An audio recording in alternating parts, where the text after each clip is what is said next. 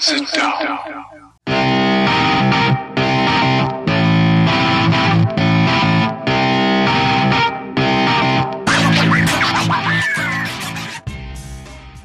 Witam wszystkich i każdego z osobna. Ja jestem Robert Kochan, a to jest Kochana NBA, najbardziej nieobiektywny podcast o najlepszej koszykarskiej lidze świata. Dzisiejszy, trzeci już odcinek będę miał przyjemność poprowadzić w towarzystwie Wiara. Wiaro, jak tam ci mija to niezbyt piękne, deszczowe i wietrzne niedzielne popołudnie? No dziś jest troszkę smutniej. E, U mnie Denver niestety przegrało, także lekka żałoba, ale z drugiej strony sezon NBA i tak jest bardzo ciekawy, także nie jest najgorzej. Cześć wszystkim. No właśnie, Denver dostało srogie baty wczorajszego wieczoru. E, LeBron hmm, wystawił ich za drzwi playoffów e, po fantastycznym meczu. E, no i wygląda na to, że drużyna, która dwa razy sprawiła dosyć dużą niespodziankę, wracając po tym, jak przegrywała 3-1, no w przypadku tej serii z Lakers w ogóle się to nie udało, no i um, Nuggets poza playoffami. No zgadza się, niestety, tak jest, y, jak mówisz, ale ktoś też słusznie zwrócił uwagę na to, że mm, żeby wygrać z dołka 3-1, najpierw w tym dołku y, trzeba się znaleźć i Denver jednak w te dołki wpadało na swoje własne życzenie, sami nie potrafili się do końca zmotywować w takich grach, które nie były już meczami o życie w tym roku. E, no plus to, co mówisz, no LeBron po prostu pokazał, że jednak fajnie, fajną macie drużynę, za parę lat może faktycznie coś wygracie, ale póki ja tutaj jestem, póki ja siedzę na tym tronie, to niestety, ale e, żegnam, bo to moje playoffy i ja wygrywam mistrza w tym roku. No, dokładnie tak. LeBron stwierdził, że, że nie chce tutaj oglądać e, kolejnego powrotu Nuggets do serii, że, że weźmie sprawę w swoje ręce. To już było widać w przypadku przedniego meczu, gdzie w końcówce powiedział swojemu trenerowi, że, że chciałby tutaj kryć e, Jamala Muraya i, i rzeczywiście rzucił się na niego, odcinał go od podań. Cały czas stawał mu na drodze do kosza, próbując go blokować i, i, i tą końcówkę praktycznie cały czas krył go jeden na jeden, nie dopuszczając do tego, żeby, żeby Murray e, w tej końcówce się rozkręcił, a było to o tyle ważne, że, że Jamal miał świetny mecz, trafiał w zasadzie z każdej pozycji, czy to z dystansu, czy wchodząc pod kosz, jakieś takie crazy layupy. No, a tu proszę, LeBron ambicjonalnie podszedł do sprawy, stwierdził, że, że on te playoffy zakończy, że zakończy je tu i teraz. No i ten jego ostatni mecz po prostu fantastyczny. 38 punktów, triple-double. No, wyglądał jak e, miał co najmniej 10 lat mniej. Tak, nie do zatrzymania w tym meczu. Nic Denver nie było w stanie mm, poradzić na, na wybryki Lebrona. No też się można było tego spodziewać, no to jest jednak wielki mistrz, y, można go lubić, można go nie lubić, natomiast na pewno wie jak to zrobić, żeby do tych finałów dojść, y, na pewno wie jak y, się to robi, że, że się wygrywa w NBA. Mm, no i to jest myślę ta mentalność, której troszeczkę zabrakło w pozostałych zespołach na zachodzie. Myślę, że Denver i, czy Clippers jeszcze się tego uczą. E, jeszcze muszą sobie jakby zdać sprawę z tego, jak, jak to jest ważne, jak to jest trudne i jak istotne jest naprawdę każde posiadanie piłki w takich meczach. Nie można odpuszczać ani na chwilę, nie można sobie pozwolić na to, żeby zagrać jakąś słabszą kwartę. No trzeba po prostu 48 minut równiutko na najwyższych obrotach. E, no i jeżeli jest oczywiście talent i jest, jest fajnie poukładana drużyna, no to tylko tak można te, te, te mistrzostwa NBA zdobywać. No, LeBron jak najbardziej wraca na swoje miejsce. To już jego dziesiąte finały NBA będą. Regularnie zdaje się zaglądać na, na ten etap rozgrywek choć tak naprawdę e, gdyby popatrzeć na liczbę tych finałów i, i, liczbę zwycięstw w nich, to ona nie będzie aż tak okazała, natomiast no rzeczywiście 10 razy być w finałach NBA i to tak naprawdę być tą gwiazdą, która swoją drużynę do tych finałów prowadzi i ciągnie, to jest nie lada wyczyn, wręcz powiedziałbym historyczny wyczyn, godny jednego e, z najlepszych lub też przez niektórych uważanego za, za najlepszego e, gracza w całej historii NBA. Natomiast e, chciałbym jeszcze tutaj z Tobą porozmawiać o Nuggets, bo jako, jako fan e, wielki masz, masz najlepszy wgląd, wydaje mi się, w tę drużynę. Powiedz mi, jak zapamiętasz ten zespół, e, jeżeli chodzi o ten sezon, o te playoffy, co, co zostanie ci w głowie po tym, kiedy to wszystko już się zakończy? No na pewno ogromne emocje, jakich ten zespół mi dostarczył w tym, w tym sezonie. Tak jak już wspominałem kilkukrotnie, no świetnie się ogląda koszykówkę Denver. To granie przez Jokicia, to, to, to jaki oni sposób, jaki mają plan, jaki mają pomysł na to, jak rozmontować obronę przeciwnika jest wyjątkowy w tej lidze, nikt inny tak nie gra jak my. E, no nikt inny też nie ma takiego zawodnika jak Nikola Jokic, który pozwala na takie granie i cóż jeszcze, no na pewno zapamiętam ten sezon i tą drużynę jako e, gości, którzy się nie poddają, nie, nie składają broni przed nikim, niezależnie od tego, czy są typowani do zwycięstwa, czy siedzą w dołku 3-1 i nawet zatwardziali fani, tacy jak ja, już skreślają tą drużynę. To drużyna się nie poddaje, drużyna gra dalej, oni, oni, dla nich nie ma czegoś takiego jak, jak stracona piłka, dla nich nie ma czegoś takiego jak seria nie do wygrania i to się na pewno chwali i to się na pewno ceni. Mm, natomiast to jest też młoda drużyna, co ja też powtarzałem i, i w rozmowach z tobą, i w rozmowach z innymi osobami, mm, że nie ma tutaj miejsca na panikę, nie ma tutaj miejsca na jakieś nerwowe ruchy. To, że Denver jest w tym momencie w takim miejscu, w jakim jest, to i tak troszeczkę jakby na wyrost biorąc pod uwagę ten skład, biorąc pod uwagę, jak, jak e, młode są to gwiazdy, Nikolaj jakieś 25 lat, Jamal Murray 22 lata, a, a Michael Porter Jr., mm, z którego też możliwe, że wyrośnie nam mm, pociecha, w Nuggets, no to jest dopiero chyba 19-latek czy 18 nawet. Także tutaj jest e, banda młodzieży, banda młodych chłopaków, którzy zbierają strasznie fajne żniwo, jeżeli chodzi o doświadczenie. Bardzo, bardzo im się myślę to przyda i bardzo myślę dużo się nauczą przez takie playoffy. E, od trzech lat regularnie w tych playoffach zachodzą coraz dalej. No więc jeżeli jakby trend się utrzyma, no to ja jestem bardzo optymistycznie nastawiony na przyszłość. Każę przypuszczać, że w przyszłym roku zagramy w finałach. Troszkę odmłodziłeś tego Michaela Portera Juniora, dając mu 18-19 lat, jest jednak nieco starszy, e, ma 22 lata. Musisz pamiętać, że, że to jest zawodnik, który gdy przyszedł do NBA, e, no, mierzył się z kontuzjami i, i jednak mimo, że to jest pierwszy sezon, w którym gra, no to nie jest to jego pierwszy sezon w zawodowej lidze, tak? Natomiast y, gdzieś tam wracając jeszcze do drużyny Nuggets, dla mnie to, co zapamiętam, to jest wydaje mi się ten kolejny krok, jaki dokonały gwiazdy waszej drużyny, to znaczy Jamal Murray i Nikola Jokic mogliśmy zobaczyć już taki pierwszy etap tego w poprzednich playoffach e, rok temu, kiedy mierzyli się przeciwko Portland Trail Blazers. Wtedy pokazali, że, że potrafią być gwiazdami, że potrafią ciągnąć drużynę. A teraz w tych playoffach wydaje mi się, że zrobili jeszcze taki kolejny krok do przodu, gdzieś tam ustabilizowali tą swoją pozycję jako gwiazdy drużyny, a weszli, może nawet zrobili ten kolejny krok do tego, żeby pokazać, że są takimi prawdziwymi, godnymi tego miana gwiazdami NBA, którzy być może e, nawet osiągną kiedyś status takich super gwiazd. E, jak myślisz, który z tych dwóch najważniejszych zawodników jest bliższy tego, żeby zostać takim superstarem NBA, który ma do tego lepsze, lepsze papiery, który lepiej się do tego nadaje. Murray czy Jokic? Wiesz co, mnie się wydaje, że Jokiś to już w tym momencie jest taką super gwiazdą, o jakiej mówisz. Tak jak mówię, śledzę, śledzę tą drużynę od e, dawna i oglądam ich występy w playoffach i już w zeszłym roku czy dwa lata temu było widać to, co Jokiś prezentował w tym roku. To nie jest e, jakiś, jakieś wielkie zaskoczenie dla mnie czy dla innych e, osób, które, które dobrze znają tą drużynę. Akurat tutaj to już mi się wydaje, że no, no Jokic jest najlepszym centrem w NBA w tym momencie. No więc jak, jeżeli bycie najlepszym centrem w NBA, mm, zawodnikiem, przez którego idzie cała ofensywa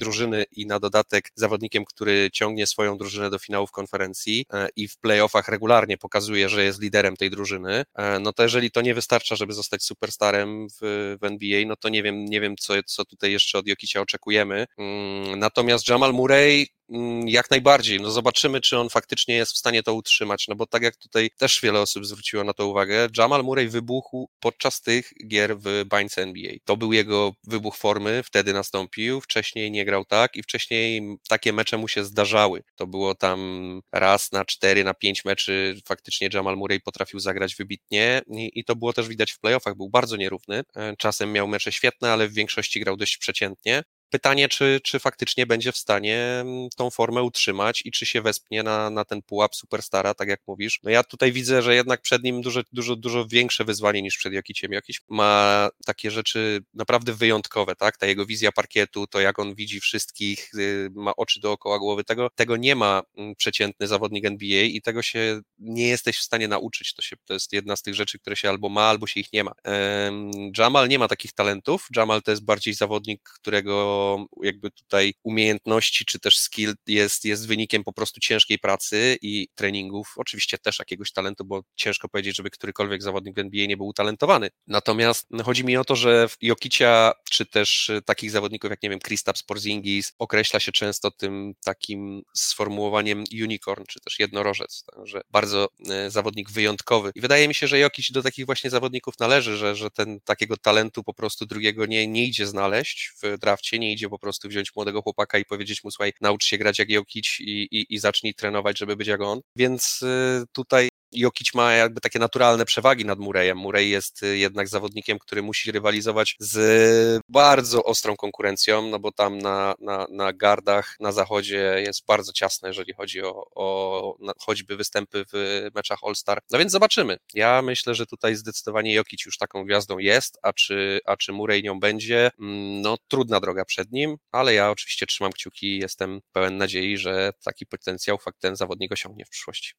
E, no, ja się tutaj muszę jakby z tobą zgodzić, jeżeli chodzi o taki e, prymat Jokicia w tej dwójce, natomiast e, absolutnie się nie zgadzam z tym, że jest to zawodnik kompletny. Owszem, jest bardzo utalentowany, zwłaszcza w ofensywie. Mm, ma ten taki soft touch, który jest bardzo rzadki, ale, ale też charakterystyczny dla, dla wielu centrów, zwłaszcza z tego regionu Europy. Mm, natomiast no jednak sporo mu ciągle brakuje w defensywie no i jeżeli nie poprawi tego elementu gry, no to nie wiem, czy, czy tak naprawdę Nuggets będzie stać na to, żeby sięgnąć kiedykolwiek po mistrzostwo NBA. Wydaje mi się, że zarówno Jokic, jak i, jak i jego trener musi, muszą nad tym sporo popracować, poprawić e, poruszanie się tego zawodnika po boisku, e, w obronie, po parkiecie, odpowiednie ustawianie się na pozycjach, E, no i, i, i, sprawić, żeby, żeby ta obrona w wykonaniu Nikoli była jednak trochę lepsza, bo, bo bez tego będzie bardzo ciężko walczyć o, o najwyższe laury.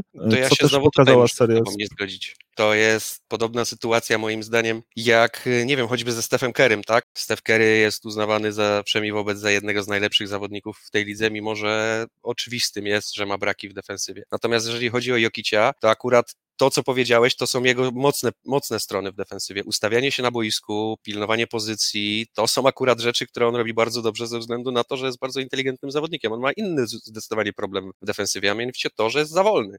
I on szybszy nie będzie nigdy i po prostu będzie zawsze takim problemem, że jeżeli wyciągnie go jakiś niski zawodnik e, od kosza, no to będzie problem. Będzie problem przy graniu szybkich pick and rolli, ponieważ e, tam też Jokic się gubi. Natomiast jeżeli chodzi o takie właśnie jego umiejętności w defensywie, e, jak na przykład team defense, no to jest bardzo dobrym zawodnikiem w tym. No on jest zawsze właśnie tam na pozycji, gdzie powinien być, zawsze blokuje to miejsce pod koszem, zawsze wciśnie swoje szybkie ręce tam, gdzie te piłki latają Tutaj się akurat nie zgadzam. Ja będę bronił Jokicia pod kątem jego, jego umiejętności defensywnych, bo nie jest czarną dziurą e, w obronie, na jaką niektórzy go kreują, a Poza tym, tak jak e, zresztą stwierdziłem na początku, nie wydaje mi się, żeby. Ja na pewno nie mówiłem, że jest zawodnikiem kompletnym. Mówiłem o tym, że jest super gwiazdą. W tym momencie, jeżeli chodzi o super gwiazdy w NBA, to, to, to takich kompletnych zawodników, którzy faktycznie mają i offense, i defense na bardzo wysokim poziomie, to na tej liście jest bardzo niewielu, moim zdaniem. Eee, no zgoda, takich zawodników jest niewielu, natomiast też jeszcze chciałbym nawiązać do tego Twojego porównania do Stefa Kerego, które jest moim zdaniem absolutnie chybione. Przede wszystkim są to zawodnicy grający na zupełnie różnych pozycjach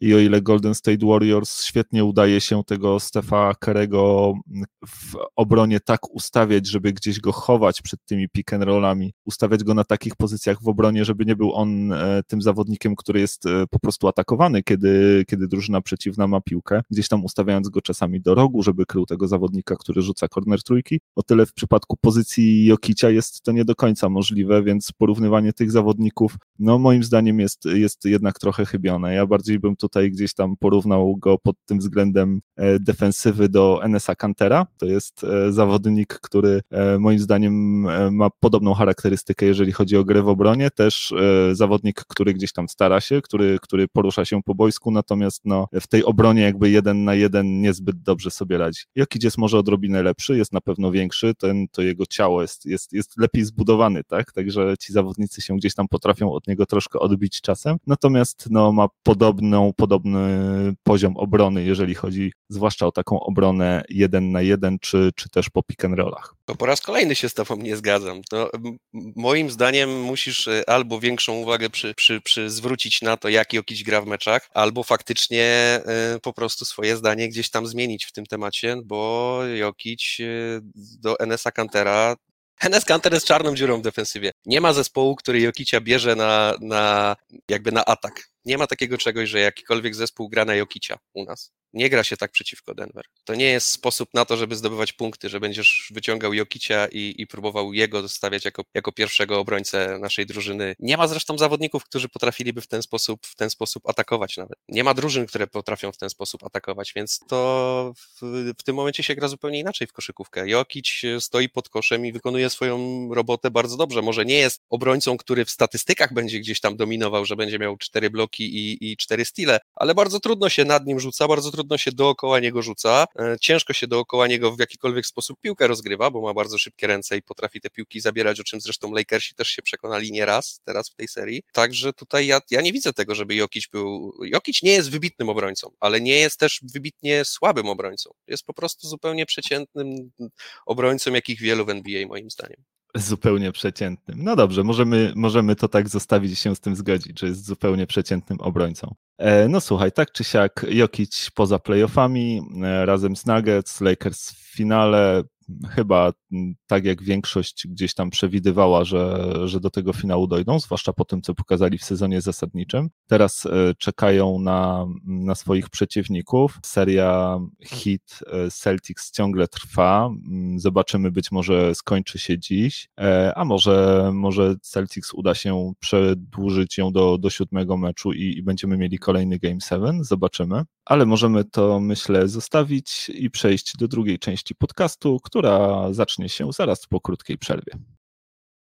Korzystając z przerwy, chciałbym Was wszystkich zaprosić do tego, żebyście polubili naszą stronę na Facebooku, kochana NBA, możecie nas znaleźć również na Twitterze oraz do tego, byście pisali do nas na adres kontakt Możecie tam pisać do nas w każdej sprawie, skomentować to, co, o czym rozmawiamy, przekazać nam swój własny punkt widzenia, albo też yy, przekazać nam, o czym by chcielibyście, byśmy porozmawiali e, u nas e, w naszym podcaście. Zachęcamy Was do tego bardzo serdecznie. Piszcie do nas w każdej sprawie. Kontakt małpka kochana.nba.pl lub e, polubcie nas na Facebooku, tam też możecie do nas pisać. Dobrze, wracamy po krótkiej przerwie. Teraz porozmawiamy troszkę o tym, co dzieje się, jeżeli chodzi o taką karuzelę trenerską w NBA, a dzieje się ostatnio całkiem sporo. Kolejni trenerzy znajdują zatrudnienie, kolejne zespoły poszukują trenerów, gdzieś tam mając jeszcze dziury w tej kwestii. Jak ty to wiarę oceniasz, tą całą karuzelę trenerską? Trochę się dzieje chyba w tym względzie ostatnio.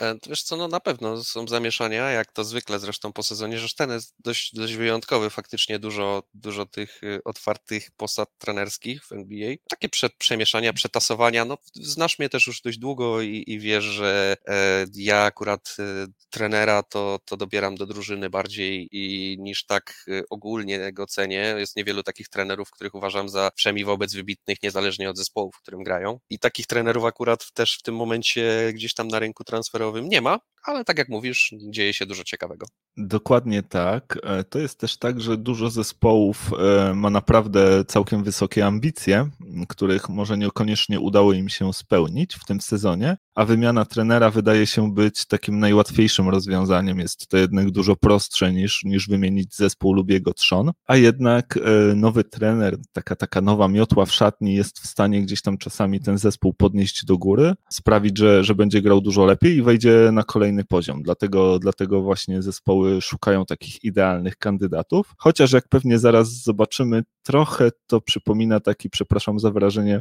może nie do końca będzie ono trafne chów wsobny, bo jednak ci trenerzy zwalniani z jednej drużyny przechodzą do drugiej drużyny i tak naprawdę mało kto decyduje się po sięgnięciu takich rozwiązań e, do tej pory niespotykanych, posięgnięcie po kogoś z zewnątrz. No ale zaraz może na ten temat właśnie porozmawiamy. E, ja bym proponował, żebyśmy zaczęli od takiego nazwiska, to jest e, może już taki nie taki news znowu, bo, bo ten trener został zatrudniony już jakiś czas temu, ale jest to chyba takie najbardziej ciekawe, najbardziej zaskakujące nazwisko. Chodzi o osobę Steve'a Nesha, dwukrotnego MVP ligi byłego zawodnika, który który został po raz pierwszy w swojej karierze trenerem i od razu trenerem na szczeblu NBA, zatrudnili go Brooklyn Nets. Sprostuję, zatrudnił go Kevin Durant. Ale tak, jak najbardziej chodzi o zespół Brooklyn Nets.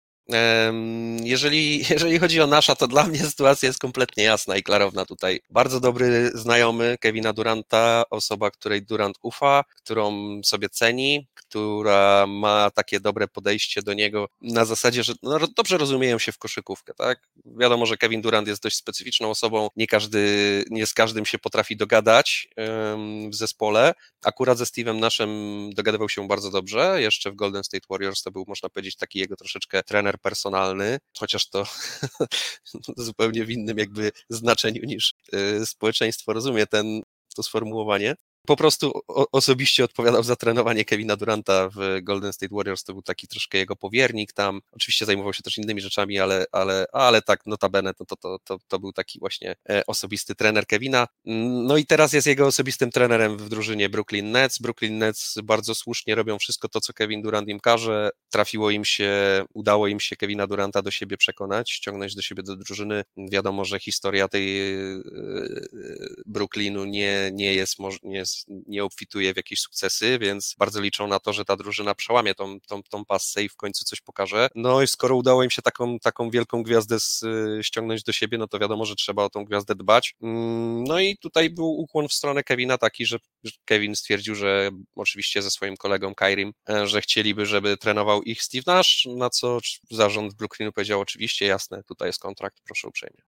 No jest trochę prawdy w tym, co mówisz. Ja może gdzieś tam troszkę postaram się nakreślić taki kontekst i tło. Rzeczywiście Brooklyn nie miał najlepszych lat za sobą ostatnio. E, to jest drużyna, która musiała się budować, nie mając nawet e, gdzieś tam dużo składowych części czy, czy możliwości wydraftowania zawodników e, z wysokich pików, mimo że, że szło im słabo, a to dlatego, że, że te piki w dużej mierze poddawali podczas poprzednich wymian, zwłaszcza zwłaszcza, tej, gdzie sprowadzili do siebie Kevina Garneta i Paula Pierce'a z Boston Celtics. Celtics długo trzymali właśnie mm, piki Brooklyn Nets u siebie, przez co ta drużyna musiała budować się troszkę inaczej, ściągając zawodników gdzieś tam z dalszych pozycji draftu, budując tą drużynę i starając się ulepszać, ściągając gdzieś tam zawodników troszkę niechcianych w innych drużynach, jak na przykład D'Angelo Russell e, w Los Angeles Lakers. No i budowali się i szło im całkiem nieźle. Tutaj jakby duża zasługa poprzedniego trenera Kennego Atkinsona, który mm, który te drużyny budował, rozwijał właśnie tych zawodników, no i grali oni mocno powyżej swoich oczekiwań, e, jakby regularnie gdzieś tam meldując się nawet ostatnio na, ty, na ostatnich pozycjach playoff na wschodzie. Natomiast no, ta drużyna przeżyła ostatnio chyba jedną z najciekawszych takich metamorfoz w swojej historii, bo właśnie po zakończeniu sezonu e, poprzedniego dołączyli do niej e, Kevin Durant i Kyrie Irving, dwóch e, super wolnych agentów, z których ten pierwszy, czyli Kevin Durant, uważany jest za, za no, jednego z topowych zawodników tej ligi, najlepszego, najlepszego gracza NBA.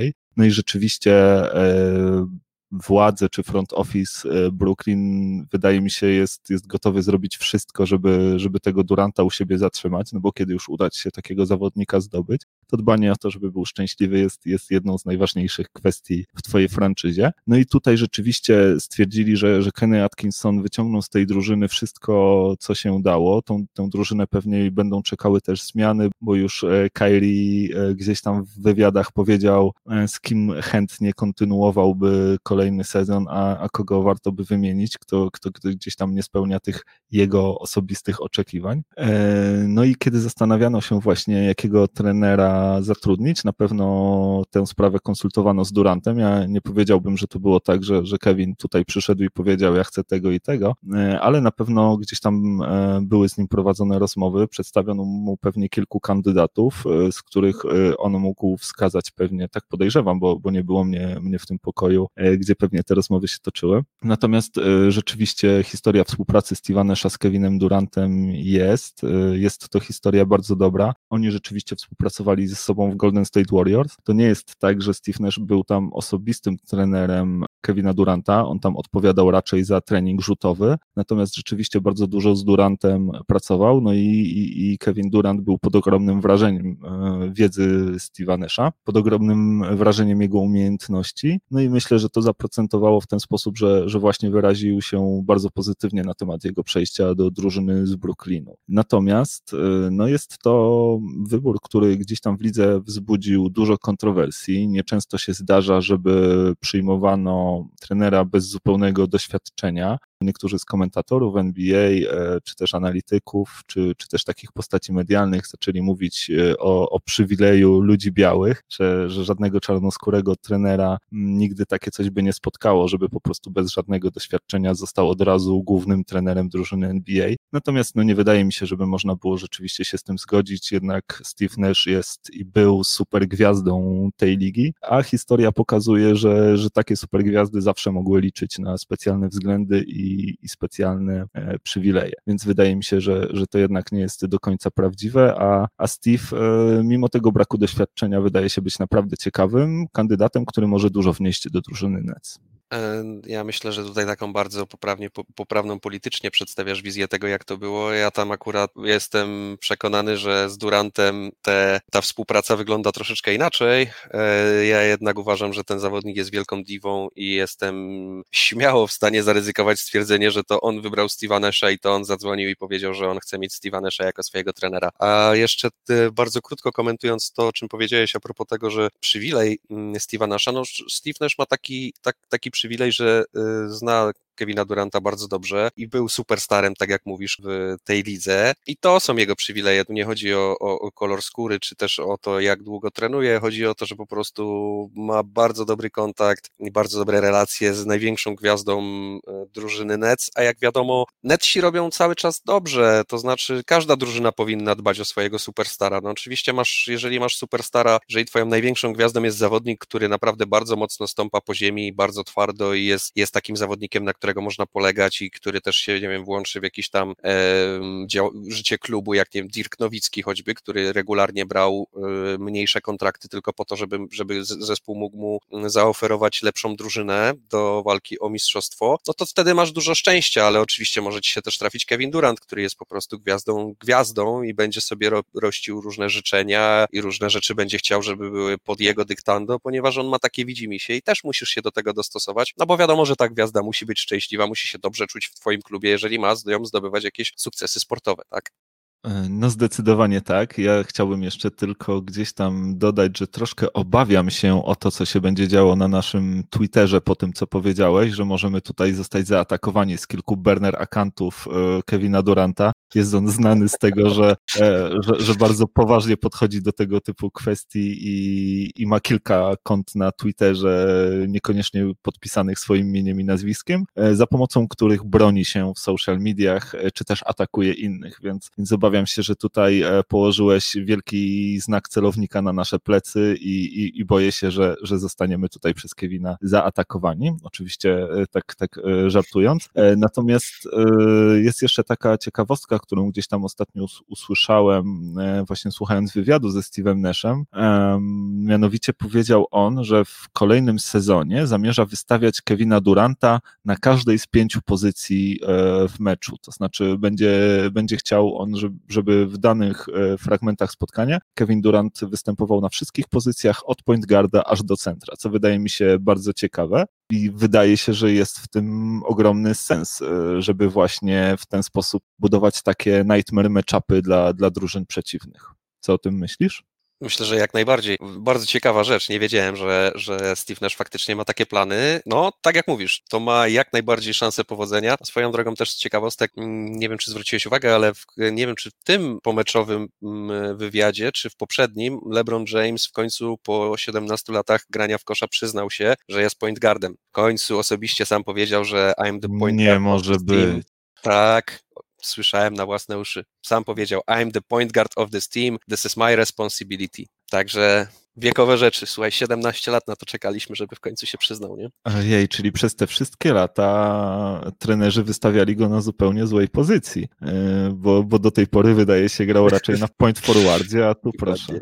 Dokładnie tak. Dobrze, słuchaj, przejdźmy może do, do kolejnego trenera. Również dosyć duże nazwisko w lidze. Trener, który rozstał się z e, drużyną Oklahoma City Thunder. Mam tutaj na myśli Billiego Donavana. E, zespół Thunder e, po zaskakującym sezonie, w którym nikt nie dawał za bardzo im szansy na, na udział w playoffach, raczej wszyscy wieszczyli, że będzie tutaj przebudowa, że będą w połowie sezonu trady, e, że będzie szukanie drużyny, która przyjmie duży kontrakt Chrisa Pola. Zastanawiano się w ogóle, jak ten zawodnik będzie grał. No, okazało się, że Thunder radzą sobie świetnie, że Billy Donovan E, świetnie ich poprowadził i znakomity wynik osiągnęli, awansując do playoffów i to z dosyć wysokiego miejsca. Natomiast to, co mm, nie zdarzyło się w poprzednim roku, wszystko wskazuje na to, że wydarzy się w tym. No i właśnie drużyna OKC planuje, planuje taką przebudowę, w związku z czym usiedli do stołu razem z trenerem Donavanem. No jemu to nie za bardzo było po drodze, a że kontrakt mu się kończył, strony postanowiły się pożegnać, poszukać innego nowego kandydata. Tutaj mam na myśli jakby Thunder, no a Billy Donovan nie był długo e, bezrobotny, bardzo szybko znalazł zatrudnienie, no i właśnie niedawno w tym tygodniu dowiedzieliśmy się, że będzie nowym trenerem Chicago Bulls. Jak, jak myślisz, jak sobie poradzi w tej roli?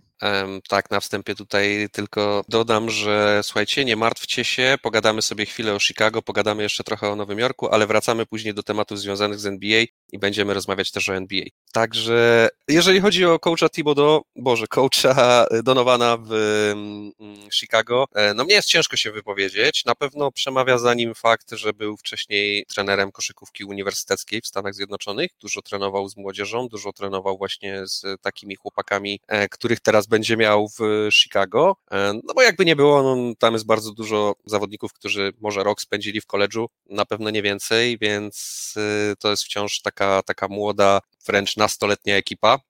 Także myślę, że tutaj pod tym kątem tu na pewno można wróżyć, że to jest dobre dopasowanie. A cóż mogę powiedzieć po, po, ponadto? No faktycznie, tak jak wspomniałeś, w OKC szło mu całkiem nieźle, ale też szło mu całkiem nieźle w OKC w tym sezonie. E, w poprzednim sezonie jednak to była zupełnie inna drużyna, która zupełnie inaczej grała. Też nie była, też, też, też mieli swoje sukcesy, no ale to były sukcesy, które były wypracowane na plecach um, Russella Westbrooka, no i fenomenalnego sezonu Paula George'a, który, który, który zagrał w OKC fantastycznie. No ale w playoffach Damian Lillard odprawił ich z kwitkiem. Także mm, ciekaw jestem, jak faktycznie mm, coach Donovan tutaj się sprawdzi w tym wszystkim. Ciekaw jestem, czy będzie potrafił z tej drużyny w Chicago coś ciekawego wydobyć faktycznie ale no, tak jak mówię, mnie osobiście ciężko się wypowiadać na ten temat. Myślę, że tutaj dopiero wyjdzie w praniu po prostu, jak, jak sytuacja będzie wyglądała na pewno, na pewno zobaczymy, będziemy to śledzić z wielkim zainteresowaniem. Natomiast e, no, z mojej strony chciałbym powiedzieć, że, że ta kariera Billiego Donavana wydaje się być taka dosyć modelowa. Najpierw e, był zawodnikiem, potem asystentem trenera w Kentucky. E, następnie no, został właśnie e, samodzielnym trenerem. Strenował między innymi uniwersytecki zespół z Florydy, z którym osiągnął dwa mistrzostwa NCAA, więc tutaj jakby pokazał się na tym szczeblu znakomicie. Przez 19 lat był, był, był właśnie trener, trenerem Florida State. Następnie, e, następnie właśnie przeszedł do, do NBA, zatrudniło go, zatrudnił go zespół Thunder, bodajże w 2015 roku i od początku na pewno Donovan no nie mógł liczyć na łatwą robotę, trafił jednak na specyficzny rodzaj gwiazdy, jaką jest Russell Westbrook. Russell Westbrook to jest e, taki gracz, który jakby chce być wszędzie, chce robić wszystko, no i jednak jest gdzieś tam uważany za takiego troszkę e, goniącego statystyki e, zawodnika. Na pewno to nie było łatwe. Potem rzeczywiście do Westbrooka dołączył Paul George. Tak jak mówisz, niby zespół mieli świetny, ale w playoffach absolutnie się spalili. Natomiast no, nie wydaje się, żeby to była wina coacha Donavana. Wydaje się, że on jakby świetnie robił swoją robotę, regularnie gdzieś tam się pojawiał w tych dyskusjach związanych z najlepszym trenerem roku w NBA, również w tym sezonie znalazł się w ścisłym finale tej nagrody. E, no, zobaczymy, zobaczymy. Ja jakby dużo, dużo oczekuję. Wydaje mi się, że, że jest to świetny wybór, jeżeli chodzi o drużynę Chicago. Zresztą trener Donovan udowodnił, że jest takim fachowcem, no, że naprawdę nie musiał długo czekać na, na zatrudnienie, wręcz e, gdzieś tam drużyny troszkę, troszkę walczyły o niego. A Chicago jest takim zespołem, który, który ma ambicje troszkę zasilnić, który chciałby ten swój młody trzon drużyny troszkę ulepszyć, poprawić, gdzieś tam, e, żeby ci zawodnicy wzmocnili się fizycznie, ale też poprawili swoją grę. Mam tutaj na myśli zarówno Zakalawina, jak i Loriego Markanena, jak i Kobiego White'a. Mają fajny, fajny młody trzon drużyny, który warto by było, żeby właśnie dobry trener rozwinął, no i podniósł jakby na kolejny poziom. I wydaje mi się, że tutaj trener Donovan jest, jest idealnym, e, idealną osobą do tego, żeby, żeby tego dokonać. No ja nie mam nic więcej do powiedzenia na temat coacha Donowana. Dobrze, w takim razie przejdźmy może do mm, ostatniego takiego nowego nazwiska trenerskiego. To też już jest wiadomość e, sprzed jakiegoś czasu. Chodzi mianowicie o zespół Nowego Jorku i trenera Toma Thibodeau. To już jest e, drugie podejście Tipsa do drużyny New York Knicks. Kiedyś był już tam w tej drużynie, ale pełnił e, funkcję asystenta trenera Van Gandiego. Natomiast no, teraz wraca, wraca jakby w świetnym stylu, obejmując główne stanowisko, będąc head coachem i tak naprawdę powiem Ci, że wydaje mi się, że przed zawodnikami z Nowego Jorku, no nie wiem, czy oni tak się ucieszyli z tej, z tej wiadomości, że że, trener Tips został właśnie ich, ich głównodowodzącym, między innymi z faktu, że jest on znany z tego, że ma bardzo twardą rękę do zawodników, że dużo od nich wymaga, że każe im grać i walczyć na całego, no i, i przeprowadza długie, ciężkie treningi, które czasami są bardziej wyczerpujące niż same mecze. Tak, w drużynie New York Knicks oficjalnie wprowadzono zamordyzm. Skończyły się y, lekkie lata,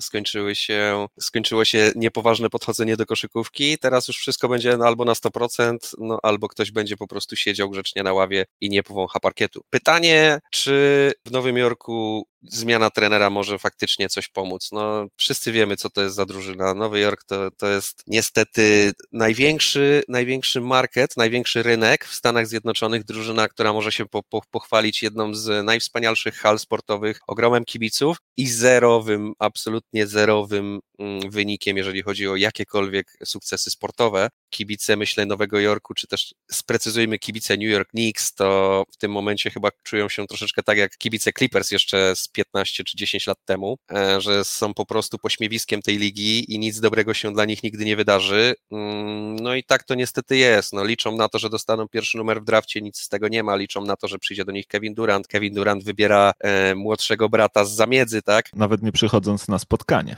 No właśnie, więc a, no to nie jest poważna drużyna, mimo że mają dla mnie przypadek w ogóle zadziwiający, tak? Drużyna pod kątem finansowym, drużyna pod kątem marketingowym na najwyższym szczeblu, na najwyższej półce, a pod kątem sportowym po prostu takie badziewie i takie dziadostwo. E, no mnie się nie wydaje, żeby tutaj coach Thibodeau odratował tą drużynę. Mam szczere nadzieję, mm, że nie zajedzie tych kilku młodych talentów, które, które gdzieś tam w Nowym Jorku udało się uchować jeszcze. No ale też czy, czy Nowy Jork sam sobie nie strzeli w stopę, tak jak to ma w zwyczaju regularnie robić każdego sezonu, tego nie wiadomo. No może też być tak, że coach Thibodeau przyjdzie do tej drużyny, narzuci te swoje ostre warunki. Graczom się to nie spodoba, no i po trzech, czterech miesiącach będziemy znowu patrzeć na zadziwiające trady i zastanawiać się, no ale jak to, dlaczego RJ Barrett został wytradowany z Nowego Jorku? Tak samo jak się zastanawialiśmy, dlaczego pozbyli się Kristapsa Porzingisa bez, bez po prostu nawet zastanowienia się, tak? Bez łaski, bez pięć minut to trwało. Zadzwoniło Dallas, stwierdziło, słuchajcie, może byście nam sprzedali Kristapsa. Nowy Jork stwierdził, jasne, nie ma problemu, nie? Już leci.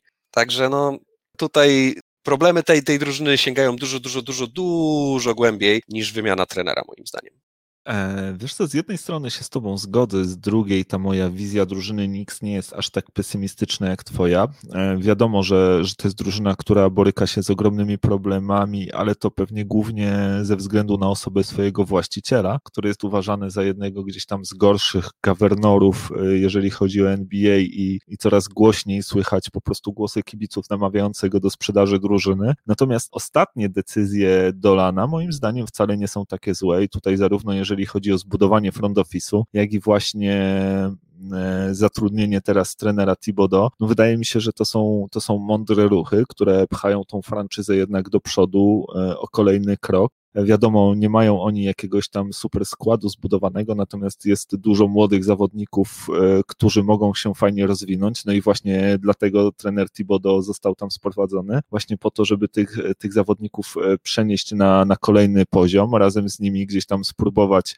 spróbować się e, rozwinąć. Oczywiście zobaczymy, jak to będzie w przypadku już tutaj poszczególnych graczy, bo ja akurat myślę, że część z nich e, na tej zmianie bardzo zyska, część być może nie do końca. To wszystko zależy od tego, jakie kto ma podejście do gry, jaką kto ma etykę pracy. I wydaje mi się, że, że tutaj na przykład tacy zawodnicy jak Frank Nilikina, jak właśnie wspomniany przez ciebie RJ Barrett, jak Mitchell Robinson, to są zawodnicy, którzy mogą bardzo dużo zyskać e, właśnie na przyjściu trenera Thibodeau, jeżeli tylko będą rzeczywiście wyprówać sobie flaki na treningach, e, to, to, to mogą się naprawdę fajnie rozwinąć. Trener Thibodeau pokazał w Chicago, że właśnie potrafi z takimi młodymi drużynami e, dobrze pracować, natomiast no, inni zawodnicy, nie wiem, ja tutaj na przykład uważam, że, że, że to mogą być ciężkie czasy dla takiego Kevina Knoxa, który może się okazać, no, będzie troszkę takim Andrew Wigginsem z Minnesota, Minnesoty, któremu no jednak współpraca z trenerem Thibodeau nie, nie wypadła za dobrze. To był zawodnik, który był krytykowany za brak serca do gry, za brak właśnie tej etyki pracy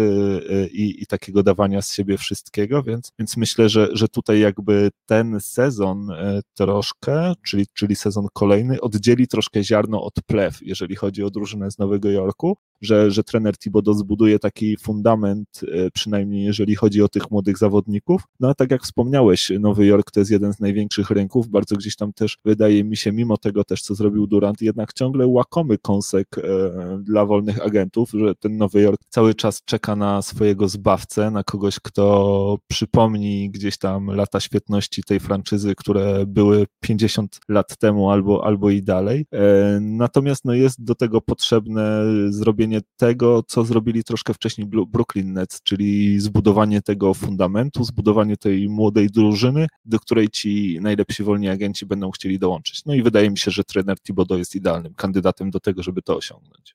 Ciekawe. Mm, na pewno masz dużo racji w tym, co mówisz, ale jedna rzecz tutaj zwraca moją uwagę, ponieważ akurat coach Thibodeau, owszem, jest znany z tego, co mówisz, że jak najbardziej jest to gość, u którego mm, trzeba po prostu zapieprzać na treningach. E, natomiast jest jedna ciekawa rzecz. On owszem z młodymi drużynami nieźle sobie radzi, natomiast nie rozwija tych zawodników. I to zawsze był przytyczek w stronę zespołów prowadzonych przez nich, że on zamiast jakby skupiać się na tym, żeby pomóc tym młodym zawodnikom zrozumieć, e, gdzie jakby popełniają błędy i sprawiać, żeby faktycznie byli lepsi na zasadzie takiej, że wiesz, rozwijają swój wachlarz umiejętności koszykarskich, to on potrafi ich świetnie motywować, jak najbardziej, świetnie ich przygotować fizycznie do, do tego i, i sprawić, żeby gonili po boisku i walczyli jak wściekli, ale akurat y, jakby z tym rozwojem koszykarskim, no to u tych młodych zawodników pod, pod jego batutą było różnie. E, choćby Jimmy Butler, który, który też nie był, nie był za, za czasów e, Thibodeau jakoś wielce ofensywnie wykorzystywany i teraz pokazuje, że potencjał miał i ma dużo większy. Więc to jest moim zdaniem taka ciekawostka. Coach, coach Thibodeau faktycznie trener zamordysta, trener, który potrafi dobrze bardzo poukładać drużynę, potrafi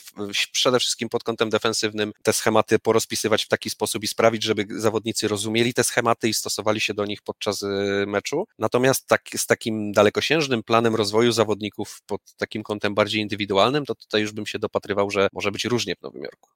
E, no rzeczywiście jest e, dużo, dużo prawdy w tym, co mówisz, dużo sensu. E, mianowicie chodzi mi o to, że rzeczywiście, żeby młody zawodnik mógł się też rozwijać koszykarsko, on potrzebuje dostać od swojego trenera kredyt zaufania i potrzebuje tego, żeby też trener dał mu pole do tego, żeby on mógł uczyć się na własnych błędach. Natomiast no, w przypadku trenera Thibodeau wygląda to tak, że nie ma miejsca na błędy, a kiedy te się pojawiają, to jedyną rzeczą, jaką można dostać od trenera Thibodeau, to można od niego dostać kijem po jajkach, za to, że te błędy się popełnia, więc, więc rzeczywiście e, jest, jest to taki trener e, znany z tego, że, że on nie widzi tutaj za bardzo takiego pola na, na, na kreatywność, natomiast bardzo dużo wymaga. No zobaczymy, jak to, e, jak to odbije się na drużynie z Nowego Jorku. Ja, ja jestem w tym względzie akurat optymistą. Ja, jeżeli chodzi o drużynę z Nowego Jorku, to akurat jestem pesymistą, mm, ale to nie jest wina coacha to absolutnie, to jest e, wina tego, że mnie Nowy Jork musi udowodnić najpierw, że to nie jest tylko czcze gadanie, bo ja już tych ich opowieści o tym, że w tym roku już będzie inaczej i że w tym roku to już będzie zmiana i że teraz to już w końcu przyjdzie do nich ten zbawca, na którego czekają od tylu lat. Ja już to słyszę od lat. E, niech to pokażą, niech to udowodnią, mm, wtedy zacznę to wszystko traktować poważnie. Jasna sprawa. Słuchaj, na koniec porozmawiamy może już tak krótko, bardziej, bardziej hasłowo o pozostałych drużynach, które szukają trenerów. E, niektóre z nich są już, wydaje się, dosyć blisko e, tego, żeby znaleźć e, odpowiednich kandydatów właśnie na to miejsce. Może zaczniemy gdzieś tam od Houston Rockets, którzy podobnie jak w przypadku OKC, tak, tak i oni rozstali się ze swoim trenerem, Mike'em D'Antonim, choć niektórzy bardziej mówią o nim Mark, Mike Anthony ze względu na to, że there's no D. No i, i, i trener, e, trener D'Antoni odchodzi z Houston, mimo że stworzył tam właśnie, przeniósł tam swój system, stworzył tam, no troszkę wydaje mi się, zupełnie taką specjalną drużynę, e, w której, w której w zasadzie nie było miejsca na centrów, taki absolutny small ball, e, drużyna jakby szyta specjalnie pod, pod Jamesa Hardena, jego umiejętności i tak dalej, natomiast nie zdało to egzaminu i, i Rockets żegnają się z trenerem Antonim. Za chwilkę może porozmawiamy o tym, gdzie on trafi, bo, bo jest bardzo duża szansa, że, że podobnie jak trener Donovan też szybko znajdzie zatrudnienie. Natomiast tutaj e, Rackets podobno mocno celują e, w sprowadzenie z powrotem trenera Jeffa Van Gandiego, który w tym momencie jest komentatorem e, dla ESPN, ale, ale niegdyś był uważany za świetnego fachowca. Zresztą jest on członkiem rodziny trenerskiej Van Gandhi, która jest bardzo liczna. Sam e, trener Jeff Van Gandhi podobno ciągle, ciągle ma mieszkanie, ma swój dom w Houston i jest mocno związany z tym miastem, z tą franczyzą. No i podobno jest bliski tego, żeby, żeby przejąć e, stery właśnie w tej drużynie. Drugim wymienianym kandydatem do objęcia tego stanowiska jest w zasadzie asystent trenera drużyny Clippers, e, czyli Sam Cassell, również były zawodnik Rockets. Czy tutaj uważasz, że któryś z tych trenerów lepiej sprawdzi się e, w roli head coacha, czy, czy widziałbyś jednak kogoś e, z zewnątrz, kogoś innego? Wiesz co, jeżeli chodzi w ogóle o całą, całe to zawirowanie trenerskie w NBA, to e, ja nie będę tutaj nikogo okłamywał, że mm, jestem jakimś super ekspertem i znam tych wszystkich coachów na takiej zasadzie, że wiem, jakie będą grali schematy, wiem, jaką mają taktykę, wiem, jak będą chcieli do tego wszystkiego podejść. Ja tutaj bardziej się, się oczywiście zależy też od kogo, ale no, zazwyczaj się opieram raczej tutaj na, na mm, jakichś opiniach, czy też e, mojej wiedzy, że tak powiem, przez, przez lata zbieranej. No bo tak, sam Cassell, znany mi zawodnik, jak najbardziej, i Jeff Van Gundy też znana mi osoba, ale przyznam szczerze, ja nie pamiętam drużyn przeprowadzonych przez Jeffa Van Gundy'ego. Nie wiem, jak one grały. Ciężko mi się w tym momencie wypowiedzieć na ten temat, czy ten coach e, na dzień dzisiejszy jest na czasie, czy on wciąż e, ma wszystkie tajniki, czy nie wiem, czy taki brat Stevens, e, czy, czy Erik Spolstra nie ograją go po prostu jak dziecka, jeżeli przyjdzie im grać w siedmiomeczową serię w playoffach. Tego nie wiem, bardzo ciężko mi się tutaj wypowiedzieć powiedzieć. Sam Cassell na pewno postać związana z Houston, na pewno postać mocno związana z Rockets. Gdzieś tam w tych wewnętrznych strukturach wychowywany sam Cassell był, e, więc e, pod tym kątem, mm, no to taki można powiedzieć swój człowiek. Ale też sam Cassell trenerem, mm, z tego co ja wiem, head coachem chyba nigdy nie był, e, a przynajmniej ja na pewno nie kojarzę jego drużyn, też nie, nie ciężko mi się wypowiedzieć, jak on w ogóle planuje grać z tym Houston Rockets. Także tutaj dla mnie osobiście zagadka. Mm, nie wiem do końca, jak to się, jak to się w Houston skończy, jak to będzie, jak to będzie dalej wyglądało. Ja też myślę, że Houston jest podobnym przypadkiem do Nowego Jorku czy do Brooklyn, że tutaj jakby problemy sięgają dużo głębiej niż tylko wymiana trenera. Nie wydaje mi się, żeby to było takie proste, że wystarczy zamienić Mike'a Antoniego na sama Cassela czy Jeffa Van Gandiego i nagle ta drużyna zacznie grać coś więcej niż gra. No, no James Harden musi najpierw nam udowodnić, że faktycznie w playoffach e, ma siły i ma serce do tego, żeby walczyć, a, a, nie, żeby, a nie, że znika po prostu w tych, tych playoffach, w ważnych meczach. Ile w tym zasługi trenera? No na pewno jest tutaj ręka trenerska mm, za to odpowiedzialna w jakimś tam stopniu, ale też czy, czy to jest takie proste, żeby po prostu wymienić trenera i nagle wszystko będzie dobrze? Nie wydaje mi się. Także tutaj akurat, e, jeżeli chodzi o Houston, ciężko mi powiedzieć coś, coś bardziej specyficznie. E, myślę, że może, może ty będziesz miał coś więcej i coś ciekawszego do powiedzenia e, od tej strony. Może ty lepiej się orientujesz akurat tutaj, jeżeli chodzi o Jeffa, mm, Jeffa Van Gandiego i sama Cassela. Może mi nakreślisz bardziej, jak z twojej perspektywy to wygląda. E, wiesz co, no, na pewno y, jest to, ciężko jest powiedzieć, jak obaj ci trenerzy będą sobie radzili z Houston, bo to jest drużyna, która będzie wymagała od nich jakiegoś takiego specyficznego podejścia, zwłaszcza biorąc pod uwagę jakby skład tej drużyny. Będzie wymagała pewnie troszkę zmiany swojego systemu i dostosowania ich do obecnych warunków. To, co natomiast e, mogę powiedzieć, to to, to że gdzieś tam moim zdaniem e, są to trenerzy, którzy charakteryzują się troszkę różnym podejściem. E, Jeff Van Gundy rzeczywiście od wielu, wielu lat nie trenował żadnego zespołu NBA. Ja tutaj mam jakby sporą taką zagwostkę w stosunku do tego, czy on będzie w stanie jakby dorosnąć do tego, czym liga stała się przez te wszystkie lata. Jak, jak teraz się gra, gra się zupełnie inaczej niż grało się kiedyś, kiedy, kiedy właśnie e, trener Van Gundy no, radził, sobie, radził sobie naprawdę nieźle w tej lidze, natomiast no, jest on znany z tego, że jest to trener raczej takiej twardej ręki, raczej e, taki bezkompromisowy. Natomiast sam Cassell jest uważany za takiego y, players coacha, tak, na takiego zawodnika, który, trenera, który jest bardzo lubiany przez zawodników. E, ja go akurat miałem troszkę okazję poobserwować w tym sezonie, no bo siedział na ławce drużyny Clippers i, i widziałem, jak gdzieś tam z tymi zawodnikami pracował, jak z nimi żartował. Nawet miał okazję poprowadzić e, zespół w jednym meczu w bańce, kiedy, kiedy trener Rivers jakby oddał mu wolną rękę i, i możliwość właśnie trenowania zespołu. Clippersi wtedy ten mecz wygrali, a trener Cassell odnosząc swoje pierwsze zwycięstwo, kiedy wchodził do szatni, został oblany wodą przez wszystkich zawodników, zrobili mu taki e, prysznic zwycięstwa, więc zobaczymy. Ja też, e, no trener Kassel nie miał do tej pory szansy większego pokazania się, tak naprawdę tylko i wyłącznie w roli asystenta, no i przy okazji tego jednego meczu. Natomiast, e, no zobaczymy, mamy, mamy tutaj w drużynie Houston dwóch MVP, być może właśnie taki players coach będzie dla nich odpowiedni, a może, a może właśnie postawią na Van Gandiego jednego osobę, która będzie na takiego szefa szefa, który, który będzie tym wszystkim rządził i trzymał to wszystko mocną ręką. No, tak, tak jak mówię, moim zdaniem to są trenerzy z troszkę z zupełnie różnej, z różnej bajki, no i tutaj już e, jakby mm, decyzja, decyzja dowodzących Houston, którą, którą z tych opcji wybrać i która będzie dla nich lepsza.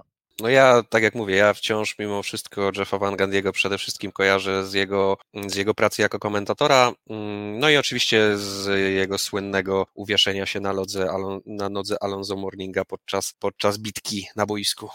No tak, tak, tak, stare, stare czasy. E, dobra, słuchaj, mówiliśmy o trenerze Antonim, e, Di Antonim, przepraszam, jestem bardzo przyzwyczajony do tej wersji bez D. E, no i jest on jednak e, uważany za głównego kandydata do tego, żeby objąć inną drużynę NBA, która rozstała się z trenerem, mianowicie Philadelphia 76ers. E, oni rozstali się z Brettem Brownem, który gdzieś tam towarzyszył im przez cały ten okres przebudowy, tego procesu, jak to, jak to nazywają w Filadelfii, natomiast nie spełnił swoich oczekiwań. Drużyna z roku na rok wcale nie wydawała się, żeby, żeby, żeby, grało, żeby grała coraz lepiej. Wręcz przeciwnie, było takie wrażenie stagnacji, no i stracono cierpliwość e, do, do trenera Bretta Brauna. Mm, zwolniono go, no i, i rozglądają się nad, nad zastępcą, no i właśnie głównym kandydatem do przejęcia tego zespołu jest, jest trener Mike D'Antoni, a drugim kandydatem jest kolejny asystent drużyny Clippers. Swoją drogą bardzo mnie to dziwi, bo, bo wydaje mi się, że, że patrząc na ten sezon, to właśnie tutaj do trenerów może można mieć spore zastrzeżenia i do tego, że, że nie potrafili tych zawodników odpowiednio zmotywować, a tu popatrz, e, dwójka naszych asystentów jest gdzieś tam łączona z, e, z najważniejszymi drużynami. Także Mike D'Antoni, kandydat numer jeden do objęcia stanowiska trenera Filadelfii, kandydatem numer dwa Tyron Lu. Tutaj masz jakieś przemyślenia na ten temat? Tak, jak najbardziej akurat tutaj chętnie, chętnie się wypowiem. Może zacznę od tej drugiej kwestii, o, o, o, której mówiłeś.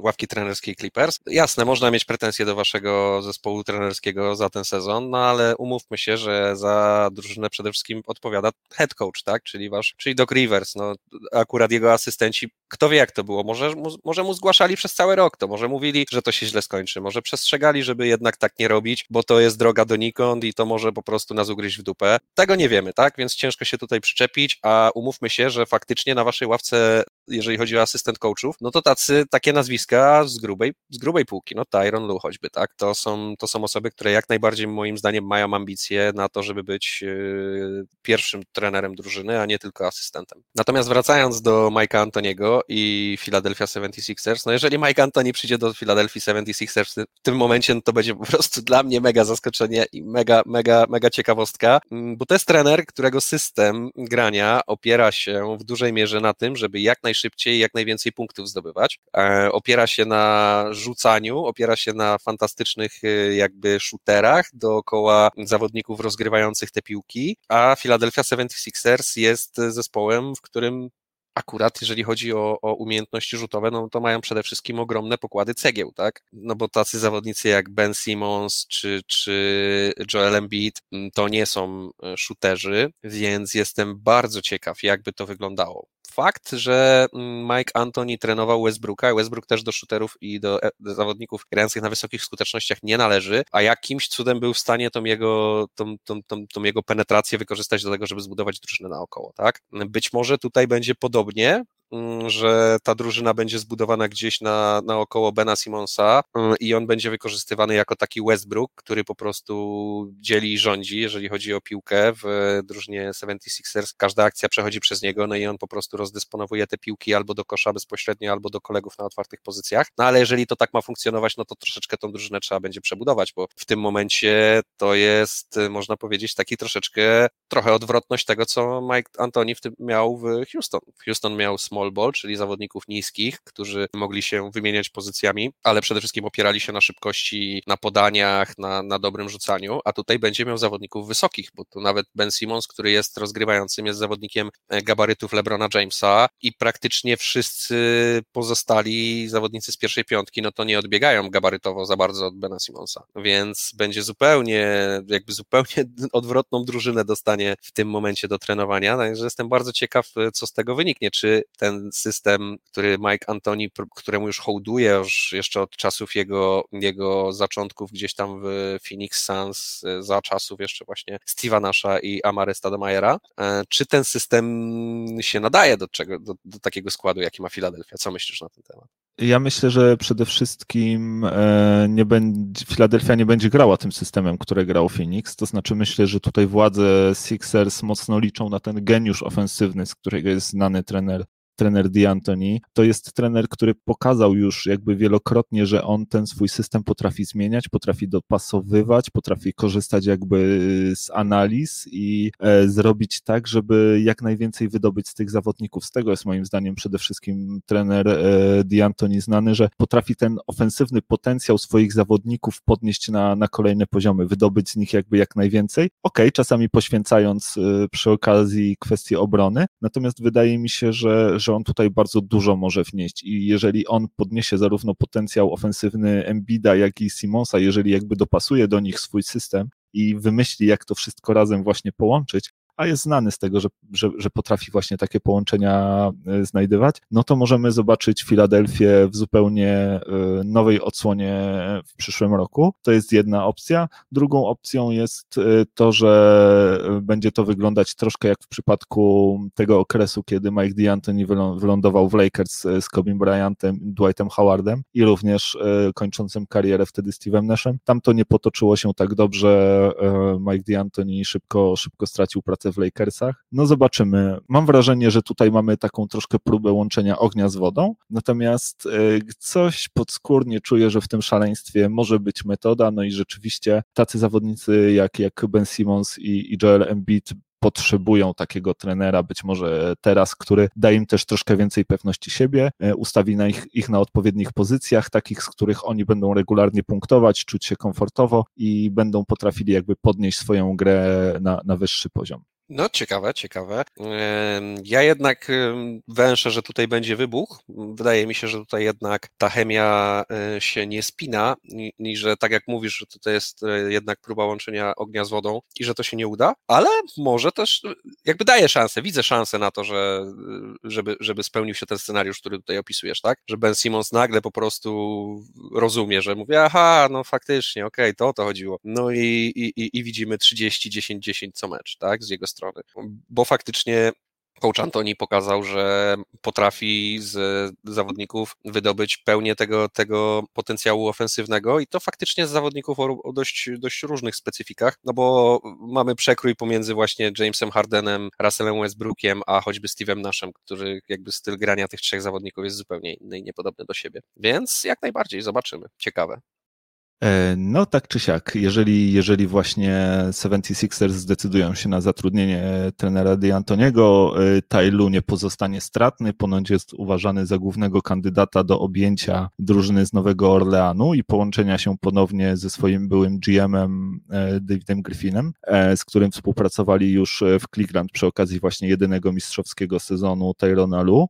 Natomiast no Tailu niezbyt mu się uśmiecha wizja takiego player development momentu i, i, takiego troszkę bycia w rebuildzie, gdzie, czyli miejsca, gdzie się znajduje teraz drużyna z Orleanu, bardziej łap, łapczywym okiem patrzy w stronę właśnie posady w Filadelfii, no ale jeżeli rzeczywiście nie uda mu się jej osiągnąć, to prawdopodobnie zostanie head coachem e, w Nowym Orleanie. No nie wiem, czy, czy, czy chcesz tu coś, coś na szybko skomentować? Mi się wydaje, że, że to jest ok wybór, tutaj jakby dla mnie, dla mnie trochę bez szału, jednak mimo wszystko bardziej chętnie bym pewnie widział jakiegoś nowego trenera ze świeżym okiem, zapałem, może właśnie próba znalezienia takiego swojego Billiego Donawana gdzieś wśród tych trenerów uniwersyteckich, no ale, ale, ale zobaczymy, co czas pokaże.